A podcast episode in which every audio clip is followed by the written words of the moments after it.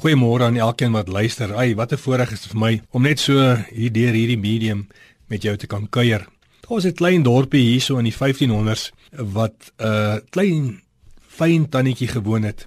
Baie lief vir die Here en baie maal was sy swaalf geroskam deur die gemeenskap. En eendag kom die burgemeester na haar, toe en sê: "Jong, die koningin kom vir jou kuier."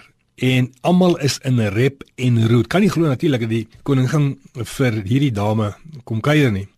Maar hoe dit ook al sê, die dorp word reggemaak en die dag breek aan dat die koningin na hierdie spesifieke tannie toe kom want sy het so elke jaar iemand gekies in so 'n klein dorpie om te gaan kuier. En sy het daar aangekom in die tannie se huis in en die mense was in rep en roer en so na 2 ure toe gaan die koningin en sy groet die tannie vriendelik en daar ry sy weg en toe storm die hele gemeenskap op hierdie tannie se huis af. En sy word vrae gevra, "Hoe was die koningin?" Sy sê, "Wow, fantastiese mens."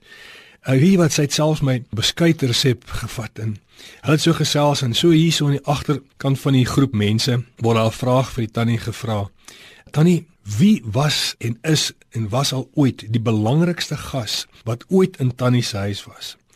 En sy sê dadelik die koningin.